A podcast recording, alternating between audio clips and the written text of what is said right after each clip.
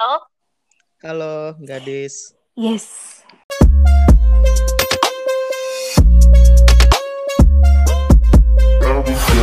Selamat datang di episode 19 podcast kesayangan bersama aku Gadis. Dan hari ini kita akan ngebahas tentang ekofeminisme. Dan apa itu eko ekofeminisme? Bukan aku dong yang ngomong, karena hari ini aku nggak sendirian, yaitu ada Bang Ical. Perkenalan dong Bang Ical. Halo, salam kenal semua. Jadi Bang Ical itu siapa? Uh, ayo aku agak aku agak masih belum terbiasa uh -huh. ya sama Mm-hmm. podcast. Ngomong-ngomong biasa aja kan Emang ya. ngomong yang luar Nah, biasa salam kenal, gimana? namaku. Iya, iya, iya. lanjut. Oh gawat. Sorry, sorry, ya lanjut. Halo, salam kenal. Namaku Ical. Uh, kuliah sempat kuliah di Malang beberapa tahun. Mhm.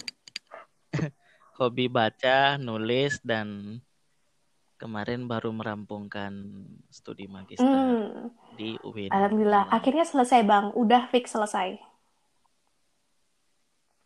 Udah fix selesai. Belum wisuda tapi di Hmm, wisuda offline kan? keburu Iya. pandemi. Nggak tahu Nah, terus bakal wisuda online atau enggak. Oke, nah terus Bang Ical itu dulu jurusan apa? Terus sekarang itu lebih concern ke hal-hal apa?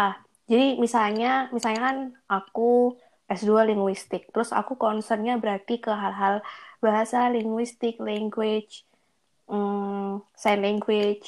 Jadi Hmm. aku ketertarikannya tentang kayak gitu gitu. Terus kalau Bang Ical, Kalau saya dulu S1-nya ambil syariah Mhm. jurusannya. Tapi skripsiku itu sudah sudah ndak ndak masuk ke ilmu syariah lagi sebetulnya. Karena yang aku ambil tuh filsafat syariahnya, hmm, filsafat hukum Islam. Kemudian S2 uh, aku tetap ambil filsafat hukum Islam, cuman kontekstualisasinya ke etika lingkungan hidup. hmm, itu S2. Oke. S2. Oke, sangat-sangat sangat menarik.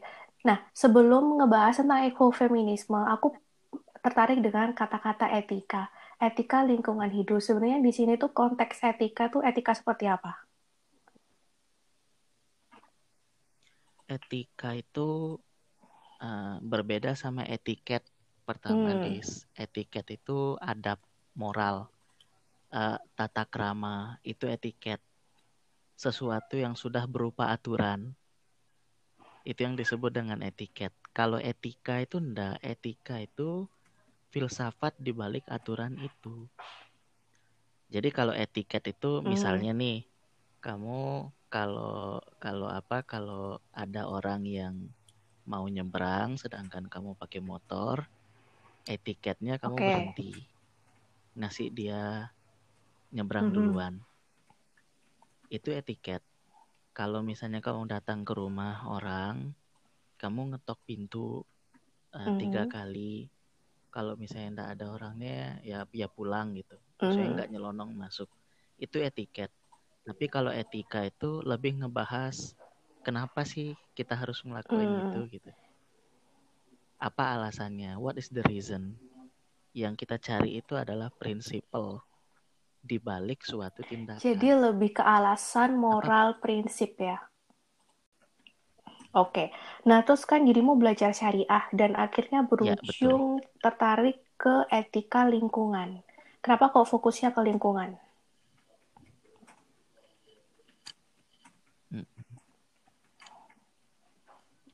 Kalau lingkungan, aku Mhm. sebetulnya punya Mhm. punya konteks pribadi, Des. Aku kan Mhm. orang Lombok ya. Lombok itu kan pulau kecil ya. Pulau kecil yang kalau digempur oleh pembangunan terlalu terlalu pekat, Mhm. kalau digempur sama industrialisasi terlalu besar, pasti akan mengalami kejenuhan luar biasa. Hmm. Hari ini di Lombok sawah-sawah udah pada hilang, hutan-hutan udah mulai gun, gun bukit-bukit udah mulai gundul, sumber-sumber air udah mulai kering, dan itu uh, segaris Hmm. lurus dengan hadirnya banyak Mhm. hotel. Tiap hotel itu kan sekarang udah pakai pengebor air kan ya, Hmm. uh, nge- ngebor tanah gitu buat hisap air tanah. Uh, artinya kan ada konflik antara kebutuhan air hotel-hotel atau Hmm. industri wisata dengan kebutuhan air masyarakat yang biasanya dipenuhi lewat Mhm. sumur, lewat mata air dan lain sebagainya. Nah, pergesekan-pergesekan itu pasti menimbulkan konflik suatu saat di sehingga aku mikir harus ada banyak sarjana yang mulai memikirkan Hmm. uh, persoalan-persoalan lingkungan hidup. Nah, di Islam itu Hmm. sedikit ada refleksi tentang lingkungan hidup. Sedikit ada, sehingga itu harus Hmm. dikembangkan.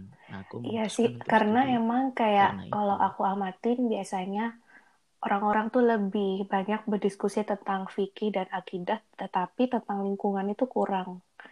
Kalaupun banyak, bukan dari segi syariah atau keislamannya. Iya nggak sih?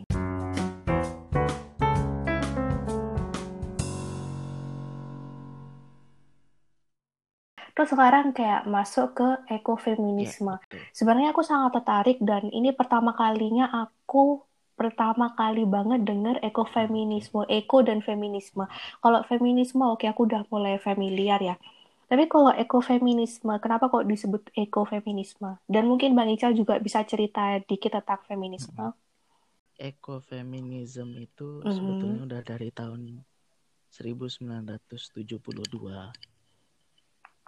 Uh, Mhm. apa namanya udah mulai dicetus kemudian dikembangkan gerakan-gerakannya uh, sebetulnya ekofeminism itu sederhananya begini cara berpikir feminisme yang diterapkan untuk Oke. membaca eksploitasi lingkungan hidup itu itu itu sederhananya cara berpikir feminisme yang diterapkan untuk membaca eksploitasi ekosistem. Jadi dalam dalam alam pikir ekofeminisme alam Oke. itu dipersamakan dengan perempuan. Alam itu identik dengan perempuan karena Mhm. memang dari zaman dari zaman kuno ya peradaban-peradaban kuno itu bumi itu cenderung dilihat sebagai perempuan. Kayak dilambangkan gitu ya. Makanya kita mengenal istilah ibu pertiwi, ibu suri.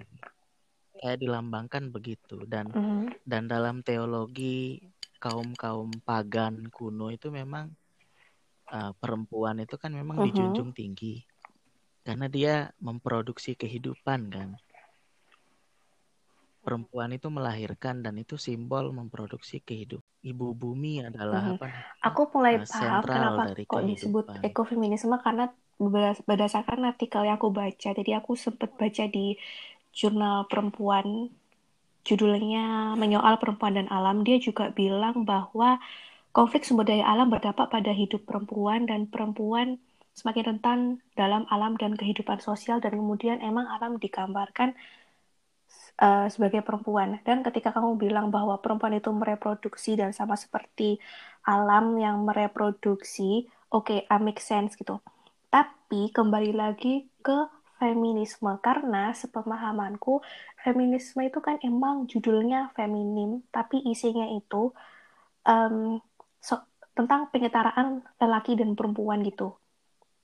Jadi misalnya kayak oke okay, setara bukan berarti sama lo ya. Tapi Mhm. misalnya di feminisme juga ngebahas tentang kayak misalnya laki-laki kayak di feminisme itu kita bahas kenapa sih laki-laki kok nggak boleh nangis gini gini gini gitu. Jadi kan lebih ke kayak feminisme itu nggak soal tentang perempuan aja, tapi di tentang laki-laki dan perempuan. Tapi kalau misalnya aku baca lagi balik ke ekofeminisme, ini fokusnya ke perempuan banget gitu. Terus peran laki-laki dalam ekofeminisme laki-laki sama perempuan kalau di ekofeminisme dipandang sama kok. Tapi perempuan maknanya diperluas. Laki-laki juga maknanya diperluas. Dia tidak hanya wujud fisik. Perempuan tidak hanya uh -huh. untuk menyebut uh, fisik betina. Ja, apa namanya? Laki-laki tidak hanya untuk merujuk fisik jantan gitu. Uh, enggak, enggak gitu, diperluas mungkin kita bisa memahami itu mm-hmm. kalau kita mengurai sedikit okay, tentang ekofeminisme dan sejarahnya gimana.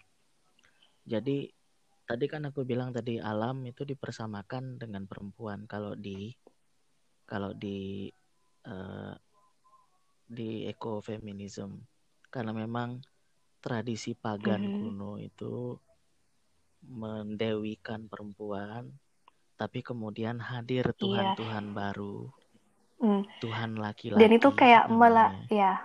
Kan kamu pernah dengar Zeus dan sebagainya ya. Sehingga mulai dari situ, mulai dari situ, mm. uh, apa namanya kuasa laki-laki diterapkan sampai hari ini. Sehingga kita ngelihat Oh, uh, oke. Okay. Alam dan perempuan itu sama-sama dieksploitasi, sama-sama paham, dipandang paham. rendah. Kemudian asumsinya perempuan dan alam punya hubungan yang kuat. Rusaknya alam, perempuan yang paling pertama tahu. Contoh. Perempuan yang paling pertama merasakan gitu.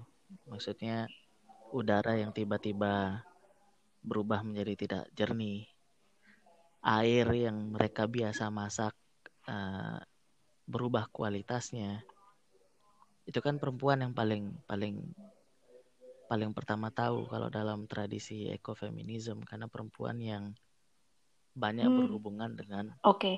jadi aku uh, mulai paham produksi aku mulai kehidupan. paham analoginya ke mana gitu jadi uh, intinya kandungan alam itu kayak ke naturis naturisasi tubuh perempuan gitu ya? Hmm, enggak sih, maksudnya relasi antara perempuan dan alam itu relasi yang menunjukkan bahwa kerusakan alam itu berdampak langsung gitu. Oke, contoh langsung Dampak dampaknya pertamanya deh. itu bukan pada laki-laki tapi pada perempuan. Karena perempuan ya tadi uh-huh. perubahan-perubahan kan kalau kalau kalau kalau kita uh-huh. yang udah urban urban ini kan hasil dari industrialisasi ya kalau kita yang udah urban mungkin tidak tidak merasakan uh-huh. hal-hal semacam itu tapi perempuan-perempuan yang masih rural itu masih merasakan dengan cepat bagaimana kualitas tanaman memburuk bagaimana kualitas air memburuk karena mereka yang banyak bersentuhan dengan itu dengan dapur mereka gitu. Kenapa mereka yang banyak bersentuhan? Karena mereka yang ditaruh okay. di situ oleh budaya kan, ditaruh di dapur gitu. Nah, tadi aku mau bilang kayak nah, gitu tugas ya. Tugas hmm. mereka hmm. adalah tuh dieksploitasi mereka yang paling tahu.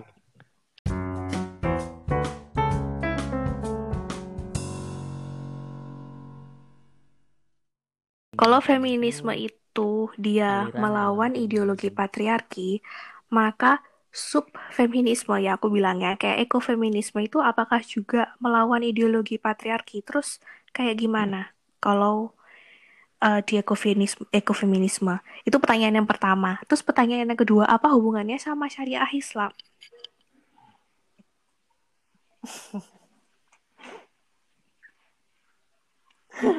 oh. Oke uh, agak kejauhan kalau ngomong syariah Islam. tapi tapi apa namanya? Tapi soal soal ini menarik sih yang kamu tanya tentang apakah melawan patriarki? Ya, ekofeminisme uh, melawan patriarki, tapi kayak kayak yang aku bilang tadi uh, sense-nya diperluas. Artinya kan kalau kita lihat sejarahnya feminisme itu kan mm -hmm. kita mm-hmm sebetulnya dia tidak bicara tentang perempuan seperti yang yeah. kamu bilang tadi kan. Mm -mm. Yang dibicarakan sebetulnya adalah keadilan. ya kan? Ya. Adil memposisikan perempuan mm -hmm. uh, supaya perempuan dapat hak insannya sebagai mm -hmm. manusia, kemudian mm -hmm. hak publiknya sebagai warga negara, ya toh? Uh, dan dan dan itu juga ada di ada di ekofeminisme tapi sensenya diperluas. Kalau kita bicara tentang perempuan, bisa jadi yang apa? Maksudnya adalah baik perempuan maupun maupun laki-laki. Mm -hmm. Dan ketika kita bicara tentang laki-laki, uh, bisa jadi maksudnya juga tentang laki-laki dan apa? Itu maksudnya laki-laki dan perempuan sekaligus. Karena begini, uh, apa? Uh, yang disebut laki-laki itu adalah kuasa mm. patriarki dan itu bisa bisa bisa sega, bisa banyak hal kan Ma, masih perempuan di hadapan laki-laki kemudian mahasiswa di hadapan dosen buruh di hadapan majikan warga di hadapan negara mm. umat di hadapan ulama dan terakhir alam di hadapan manusia mm. jadi versusnya di sini yang dilihat alam versus manusia kenapa karena dalam patriarki versi uh, versi ekofeminisme hmm. patriarki okay. itu hidup dalam mesin-mesin industri mesin-mesin ekonomi yang berkiblat hmm. pada pertumbuhan orang kan bebas ya mengejar pertumbuhan ya pertumbuhan ekonomi selama kamu punya modal besar kamu berhak uh, mengejar pertumbuhan tapi sayangnya mengejar pertumbuhan ini maksudnya adalah mengeksploitasi lingkungan. Karena lingkungan hidup itu dilihat hanya sebagai bahan baku, hanya sebagai objek, hanya sebagai pelengkap manusia. Yang berharga itu manusia jadinya. Uh, dan alam itu berharga hanya bila dia bisa berguna untuk kehidupan manusia dan ini yang disebut oleh hmm. disebut oleh fem, ekofeminisme artinya dijajah oleh nalar patriarki perempuan pun begitu perempuan juga dijajah oleh nalar patriarki nah yang perlu kita ketahui kan patriarki ini apa patriarki ini kan nalar atau cara berpikir cara merasa cara bertindak yang dipengaruhi oleh dua hal Pertama, mhm. hierarkisme. Hierarkisme itu pandangan bahwa segala sesuatu terdiri dari dua uh, hierarki dua bagian, atas bawah gitu. Logika atas bawah. Yang atas itu lebih tinggi, lebih berhak, lebih berwenang, uh, lebih lebih apa ya? Lebih segalanya daripada yang di bawah. Nah, dualisme juga begitu. Setelah hierarkisme ada dualisme. Ini pandangannya tidak hierarki tapi pandangan lebih hebat dari yang lain. Satu itu lebih hebat dari yang lain. Satu lebih baik, satu lebih mulia, lebih mampu uh, dari pasangan. Gimana gimana gimana? Selama ini kan perempuan dalam kajian feminisme kan hmm. kan melawan ini toh melawan hierarkisme dan melawan dualisme. Eh, laki-laki lebih berhak, misalnya nih, misalnya, walaupun mm-hmm. seorang suami misalnya durhaka sama istrinya, suami istri itu harus harus tetap okay. patuh dan taat kayak pada kayak memaklumin kayak gitu tanpa menimbang apa-apa harus memaklumi harus begini harus harus memaafkan harus menunjukkan uh, kepatuhan yang tinggi. Uh, sedangkan kalau di ekofeminisme itu berarti bahwa seberharga apa pun lingkungan hidup, sebagai se, se, sebagus apa pun ilmu biologi, ilmu kimia, uh, fisika dan sebagainya yang sebagainya mengungkap keistimewaan alam, alam itu tidak punya harga apa pun kecuali dia berguna bagi manusia. Nah, patriarki itu begitu. Alam dan perempuan ia diletakkan sebagai objek pelengkap.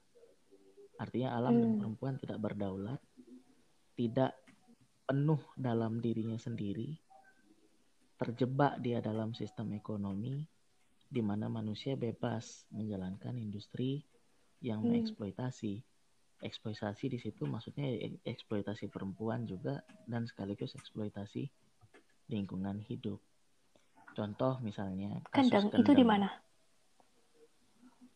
kan di Oke. Jawa Tengah kan itu eh, apa namanya pabrik semen kan mau ngotot mau mendirikan eh, pabrik Mhm. semen di situ semen apa ya mereknya itu ya Ah, itu mau mendirikan pabrik yang itu akan mengakuisisi sekian ratus Hmm. hektar sawah sekaligus merusak sumber air tapi pabrik semen butuh tanah untuk memproduksi semen sekaligus air karena di sana sumber mata air kan. Mhm. Nah, kerja-kerja industrial ini korporasi sudah bekerja sama dengan negara dalam hal ini pemerintah pusat dan karena kasusnya Hmm. selalu berbelit-belit gitu. Negara dan korporasi bisa menyewa preman atau polisi untuk mengintimidasi masyarakat. Nah, mengejutkannya yang berdiri lebih banyak melawan rencana pembangunan semen ini adalah perempuan, Hmm. ibu-ibu petani kendeng. Ah, sampai ada yang meninggal dulu waktu demonstrasi di Jakarta. Ini tahun berapa ya? Fatma. Ah, bertahun-tahun sampai sekarang, Hmm.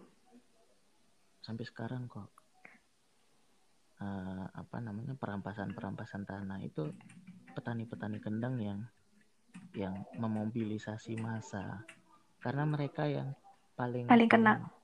paling Mhm. tahu dampak perubahan iya paling kena mereka yang memproduksi nasi mereka yang ngambil air untuk memenuhi kebutuhan sehari-hari dan sebagainya kemudian di NTT ada Mama Aleta Baun dia juga menghalang gitu jadi ada protes damai dia mengajak perempuan-perempuan di sana untuk menghadang laju alat-alat berat yang mau mengeksploitasi uh, lingkungan hidup. Ini contoh-contohnya. Di di Afrika ada gerakan sabuk hijau Green Belt itu apa namanya uh, sejumlah perempuan diinisiasi sama Wangari Maatai itu juga sama gerakannya. Contoh-contoh ekofeminisme begitu, perempuan yang harus yang pertama kali terdampak oleh eksploitasi lingkungan, maka perempuan juga yang harus berdiri eh, apa melakukan Hmm. perlawanan. Sebetulnya yang dilawan bukan sekedar korporasi kan, sebetulnya yang dilawan itu adalah patriarki. Patriarki yang lebih besar. Terus tadi selain patriarki, patriarki yang tidak menghargai tadi selain patriarki juga nyebutin tentang dualisme. Nah, kalau misalnya dualisme ini maksudnya gimana ya? dualisme itu kan antara laki-laki sama perempuan. Kalau kita tidak memakai hierarki, tetap di situ ada eh, ada logika yang ada ada ada logika yang memisahkan kita, ada jarak gitu. Eh, laki-laki dianggap lebih Hmm. utama. Jadi sifatnya bukan atas bawah tapi eh, tapi apa namanya? sejajar. Sejajar itu posisinya cuman yang satu lebih baik daripada yang yang Gimana lain. maksudnya? Kayak di kelas lah, kalau hierarkinya kalau di kelas itu kan hierarkinya Mhm. antara mahasiswa dan dosen, Ya. ya kan? Tapi di di antara mahasiswa itu sendiri kan ada mahasiswa-mahasiswa yang diistimewakan. Mungkin Mhm. karena dianggap pintar, mungkin karena yang kemudian yang satu yang ya biasa aja gitu. eh minatnya mungkin bukan di bidang studi Terus dia itu, jadi biasa-biasa aja gitu. di subjek itu misalnya sehingga dia biasa terus habis itu dia biasa-biasa aja dipandang biasa-biasa aja uh, padahal sesungguhnya ya sama aja mereka itu okay. itu yang namanya dualisme kalau hierarki kan antara mm. mahasiswa dosen oh dualisme gitu. berarti tadi antara mahasiswa itu kan analoginya antara mahasiswa dengan mahasiswa lain. Oke, okay. Gitu. terus misalnya sekarang kita udah tahu tentang persoalan ekofeminisme gitu. Terus apa yang bisa kita lakuin secara individu buat um, ngelakuin perubahan gitu? Karena misalnya kayak, oke okay, kita udah tahu ilmunya gitu, tapi kan kita nggak mungkin kalau cuman udah tahu ilmunya terus nggak ngapa-ngapain.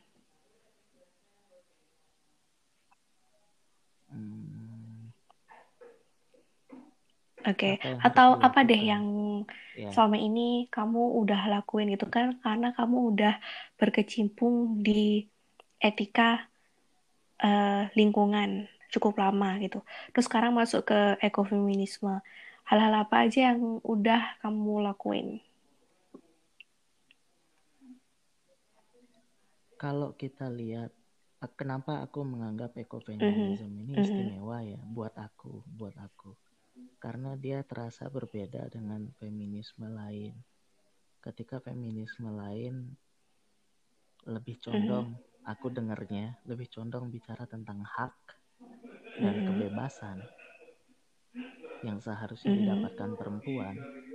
Ekofeminisme bicara hal yang sama, tapi entah kenapa auranya itu justru lebih condong kepada tanggung jawab dan kewajiban tanggung jawab dan kewajiban kita sebagai manusia nah, kan? ngerti nggak sih perempuan sebagai perempuan untuk apa namanya untuk menyelamatkan hmm. lingkungan hidup karena menyerahkan perjuangan lingkungan hidup itu pada laki-laki laki-laki dalam arti hmm. patriarki itu tidak mungkin eh gimana gimana perjuangan menyelamatkan lingkungan hidup itu perjuangan menyelamatkan lingkungan hidup itu adalah perempuan, perempuan yang harus memimpin. Perempuan itu artinya bukan yeah. bukan betina ya, bukan manusia betina, tapi uh, mereka yang mau berjuang melawan semua semua nalar patriarki itu dengan kebalikannya. Kalau patriarki itu egois, mementingkan kesuksesan sendiri, mementingkan keberhasilan sendiri, uh, maka e ekofeminisme mempersembahkan jalan baru, yaitu uh, komunalisme. Kita tidak tidak tidak egosentris, tapi lebih ke sosiosentris. Kemudian kalau laki-laki atau patriarki itu punya kecenderungan ekonomi yang destruktif terhadap alam, maka uh, ekofeminisme menawarkan kecenderungan baru dalam dunia ekonomi yang tidak destruktif, yaitu ekonomi yang sustain, kecil tapi uh, berdaya gitu, tidak uh, serakah. Kalau laki-laki atau patriarki itu uh, lebih condong pada uh, apa penafian atau objektifikasi pihak lain. Dalam hal ini perempuan eh, dalam ini dalam hal ini alam lingkungan hidup dan manusia manusia kecil seperti buruh dan sebagainya. Maka ekofeminisme menawarkan yang sebaliknya kan hal itu yang dipraktekkan oleh Mama Aleta Baun, Pandana Siva, kemudian ibu-ibu kendeng. Berani dia ngelawan, tapi sekaligus juga dia edukasi masyarakat supaya sistem kita, sistem ekonomi kita ini lebih lebih sustain karena kita tidak merusak alam. Sedikit memang kita dapat, makannya mm -hmm. begitu aja. Tapi sustain, kita bisa menyelamatkan generasi sampai hmm. ke depan gitu. Tapi itu kalau misalnya uh, generasi ke bawah. Tapi itu misalnya kalau di daerah-daerah oke okay, mungkin masih bisa tapi kalau misalnya kita masuk udah udah masuk kota-kota besar kapitalisme atau habis ini kan kita lagi ngebangun ibu kota baru ya. Kok kayaknya aku ngerasa susah banget kalau misalnya mau masukkan ide ekofeminisme ke situ karena udah terlanjur nggak sih? Karena nggak bisa kalau misalnya ekofeminisme kita orang kecil terus habis itu kita ngelawan pemerintah yang pasti pasti ngebangun besar-besaran sih. Uh, I know. Uh, orang biasanya pesimis karena memang lawan kita sangat berat dan dan negara terlampau kuat. Nah, makanya tadi. Ide-ide kita ide-ide kita mungkin saja akan mentah dan negara tidak akan memakainya karena negara mm. memang patriarki. Negara adalah simbol patriarki, simbol lelaki. Uh, tapi apakah persoalannya adalah kalah Nah, makanya tadi yang aku pertanyakan adalah sebagai individu, apa yang kita bisa lakukan gitu loh? Kalau menurutku, ya tadi, uh, apa pun yang bisa kita lakukan untuk uh, membalik logika patriarki terhadap alam, lingkungan hidup, dan terhadap manusia.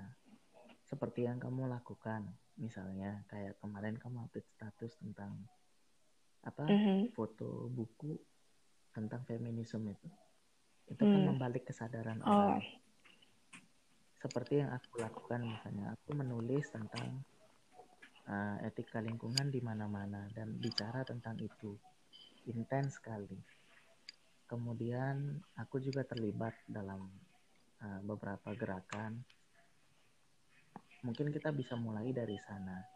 Tapi intinya ekofeminisme ini kalau menurut Pandana Siva dia gerakan yang harus mendefinisikan ulang segala sesuatu. Karena percuma juga misalnya kamu bicara feminisme, kamu bicara tentang hak-hak perempuan, kamu bicara tentang uh, keadilan bagi perempuan, tapi nalar patriarki apa nalar patriarki masih menguasai diri hmm. dirimu kamu masih membenarkan pembangunan yang destruktif yang artinya itu juga uh, merusak ibu bumi sekaligus para perempuan di dalamnya uh, kamu masih membiarkan eksploitasi buruh misalnya uh, dan lain sebagainya itu kan tidak hmm. tidak komplit Pandana Siva itu sampai bilang begini karena isunya feminisme hmm. ini kan luas sekali ya Pandana Siva itu sampai menyentuh tentang hmm. kesakralan pangan pangan itu ada dua fake food sama uh, sama hmm. sacred food pangan yang sakral sama pangan yang palsu pangan yang sakral itu pangan yang dikelola hmm. komunal pangan yang dikelola uh, dengan prinsip-prinsip kasih sayang, distribusi yang adil, kebersamaan, uh, tidak ada dominasi, tidak mm. ada mm-hmm. hegemoni, tidak ada eksploitasi. Itu yang disebut dengan mm. sacred food. Kemudian dari situ akhirnya dia mem, apa dengan dengan dananya dia sendiri dia membeli uh, puluhan hektar tanah untuk dia mulai perkebunan mandiri masyarakat untuk memerawat benih-benih mm-hmm. khas India gitu. Ketahanan pangan, lanjutnya kedaulatan pangan. Dan dia juga mengkritik fake food. Fake food? Fake food itu Oh, pangan, fake. Oh, Oke. Okay. Fake, fake, food itu kayak apa tapi? Olahan fake maksudnya. Food, fake food itu pangan yang diproduksi pangan-pangan. Pangan yang diproduksi oleh uh, hmm. industri industri yang hegemonik industri yang eksploitatif baik mengeksploitasi alam maupun eksploitasi buruh kemudian industri yang hmm uh, kapitalistik artinya uh, keuntungan itu terpusat pada pemilik modal sedangkan buruh hanya dapat sisanya rakyat yang tanahnya diambil untuk keperluan industri itu tidak mendapatkan hmm. uh, okay. banyak gitu. Itu kan itu kan, hmm. kan uh, dominan ya kan ya. Itu yang di, di dilawan sehingga sehingga menurut Vandana Siva perempuan hmm. dan generasi muda baik laki-laki dan perempuan maksudnya harus mulai melawan fake food itu tidak membeli uh, makanan instan kemudian mulai memproduksi uh, pangan sendiri menghargai apa namanya uh, market kecil tempat rakyat bertransaksi bukan market besar. Hal-hal semacam itu Vandana Siva masukkan sebagai bagian dari agenda eko feminism sebagai sebagai bagian dari apa yang sebetulnya bisa kita uh, lakukan. Teman-teman saya yang laki-laki turut berjuang, misalnya kayak kayak di Surabaya itu ada waduk sepat. Teman-teman itu kan yang banyak bergerak di depan itu kan ibu-ibu. Nah, teman-teman yang muda-muda ini menyokong keperluan ibu-ibu hmm. yang memimpin. Eh, dia yang jadi tim medis, dia yang menyediakan pokoknya makanan tercukupi, dia yang begini, dia yang begitu selama selama masa-masa protes damai yang biasanya pada akhirnya berujung bentrok karena hmm, polisi yes. kan akan membubarkan itu kan. Uh, kemudian di Malang ada di Batu itu ada mata air Gemulo kalau kamu tahu perjuangannya dari tahun 2011. Mata air Gemulo itu mata air di daerah Bumiaji hmm. yang mau dicaplok hmm. oleh pengusaha hotel. Waktu itu masih kerjasama sama wali kota yang ketangkep um, itu siapa namanya? Iya. Edi Rumpoko.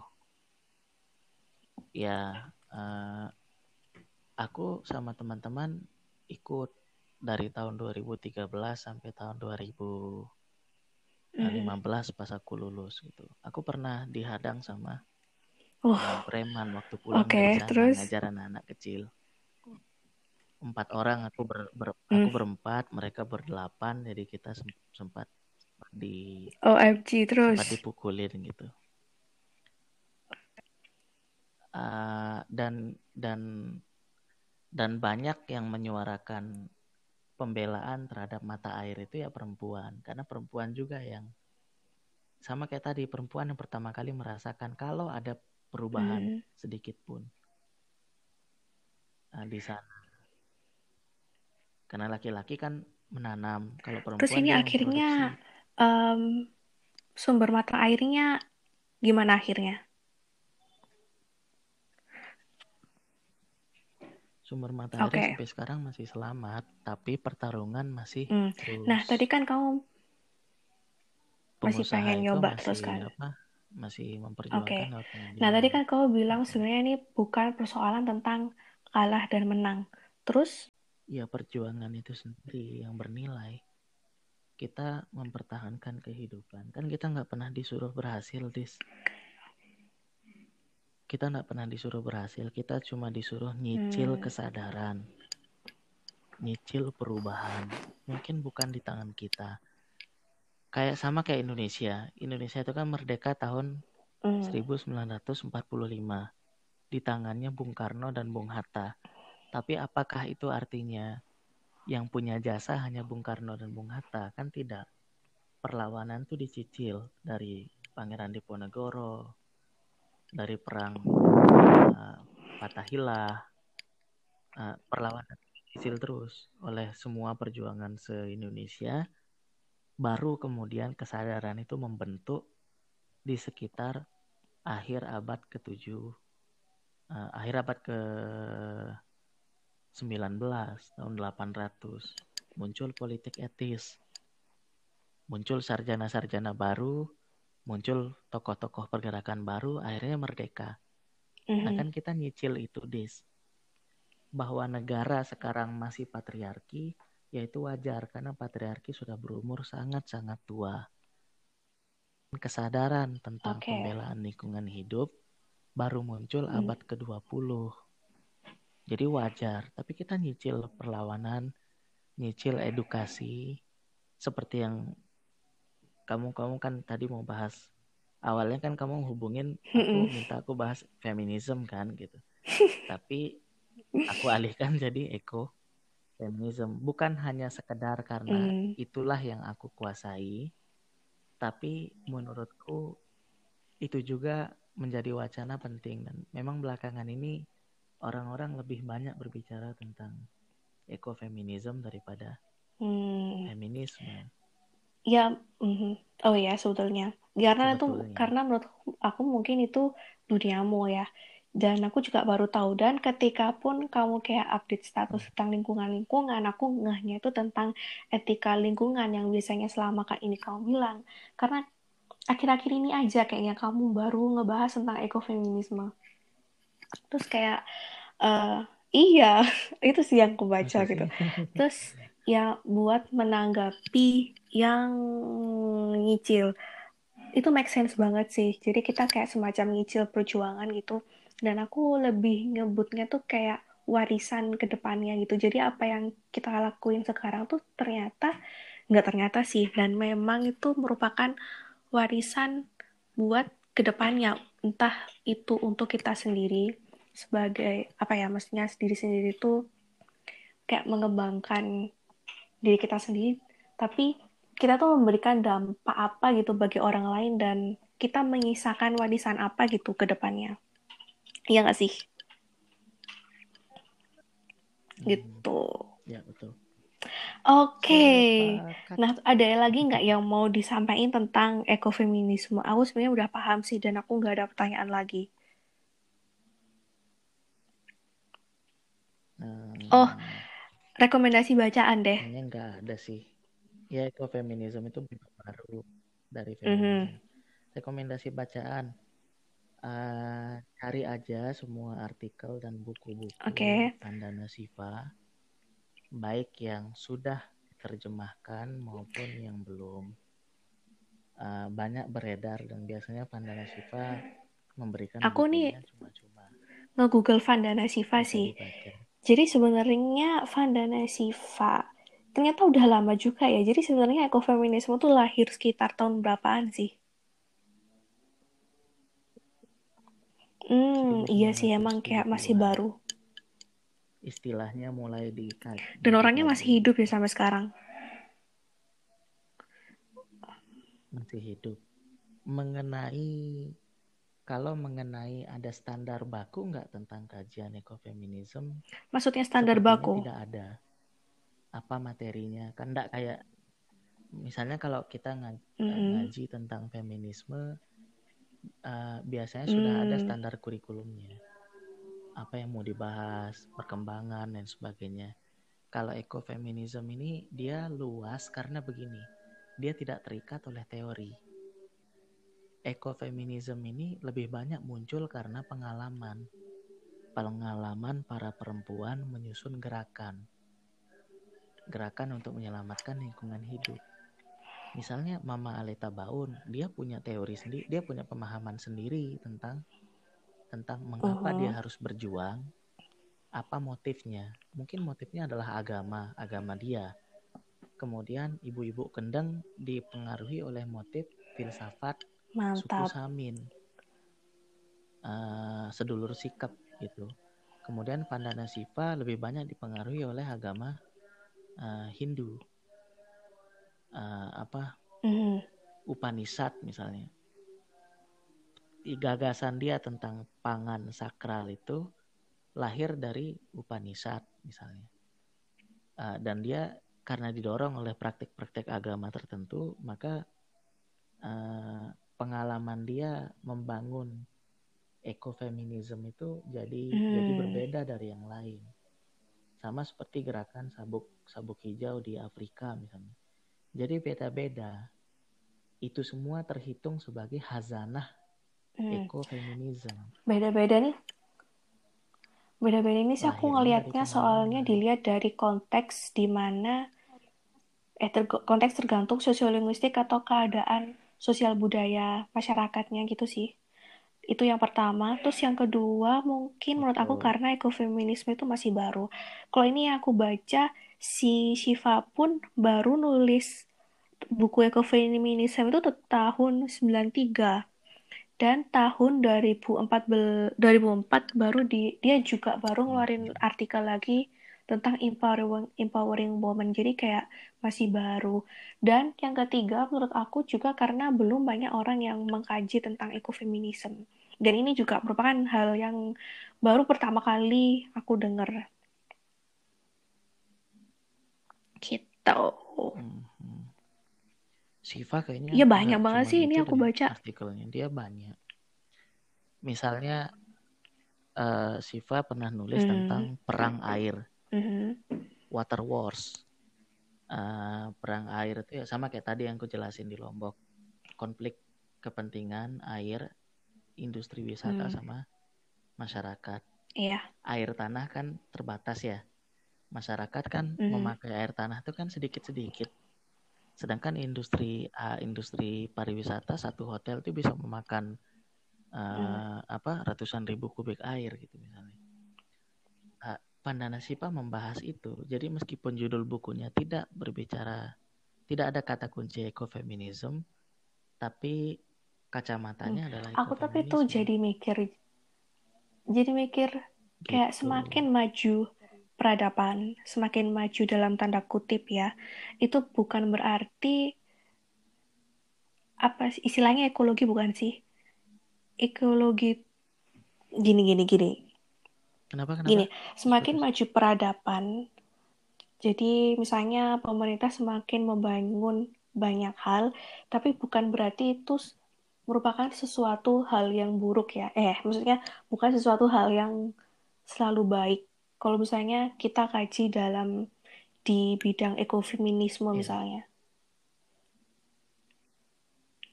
Hmm, yeah. paham paham. Betul.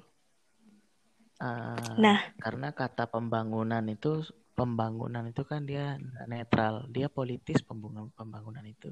Mm -hmm. Kalau dikaji sejarahnya, istilah development dan developmentalism itu politis itu.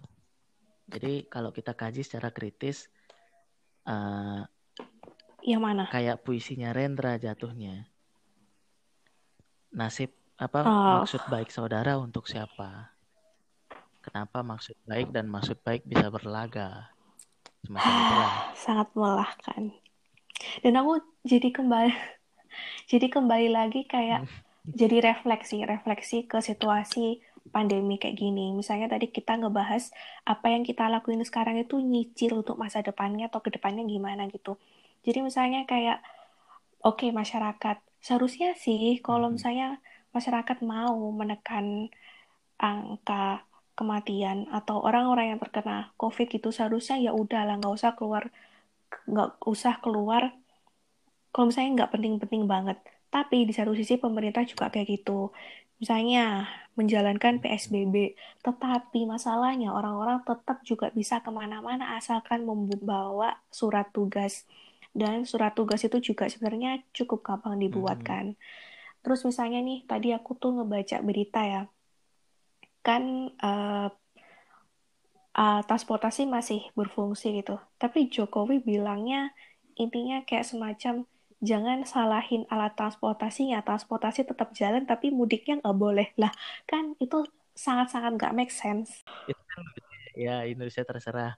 Dulu waktu apa waktu lagi rame-ramenya pengesahan rencana undang-undang kemudian itu kan aku sering sering sering bikin mm -hmm. bikin tagar di IG dan Facebook suka-suka mm -hmm. negara gitu jadi sekarang tiba-tiba suka-suka Indonesia jadi aku ngerasa waduh ini orang ah, yaudahlah at least kamu nggak sendirian bang. Oke okay, itu tadi bahasan kita tentang ekofeminisme. Bang Ical ada pesan kesan terakhir?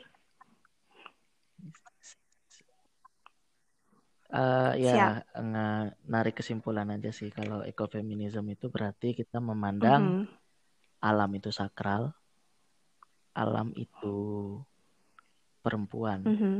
yang harus dihormati. Uh, alam mm -hmm. itu tidak boleh dieksploitasi.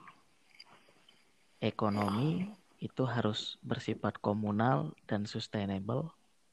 Kemudian perempuan uh, adalah pemimpin garda depan untuk memperbaiki lingkungan hidup dan melawan patriarki.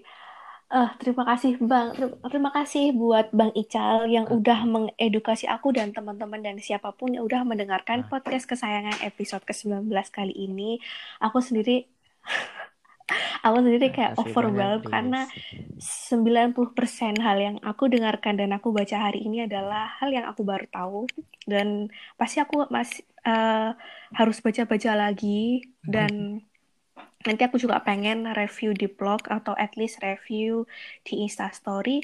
Nah, buat teman-teman yang udah ngedengerin, makasih banget dan semoga itu juga nambah kesadaran kalian ke depannya. Terus apa lagi ya? Udah deh. Apalagi review di Iya, nanti aku review suka di blog. masuk blogmu. Oke. Oke, terima kasih yang ya. Mhm. Oke, Terima makasih. kasih banyak, Bang. Ica dan sampai jumpa di episode selanjutnya. Dadah.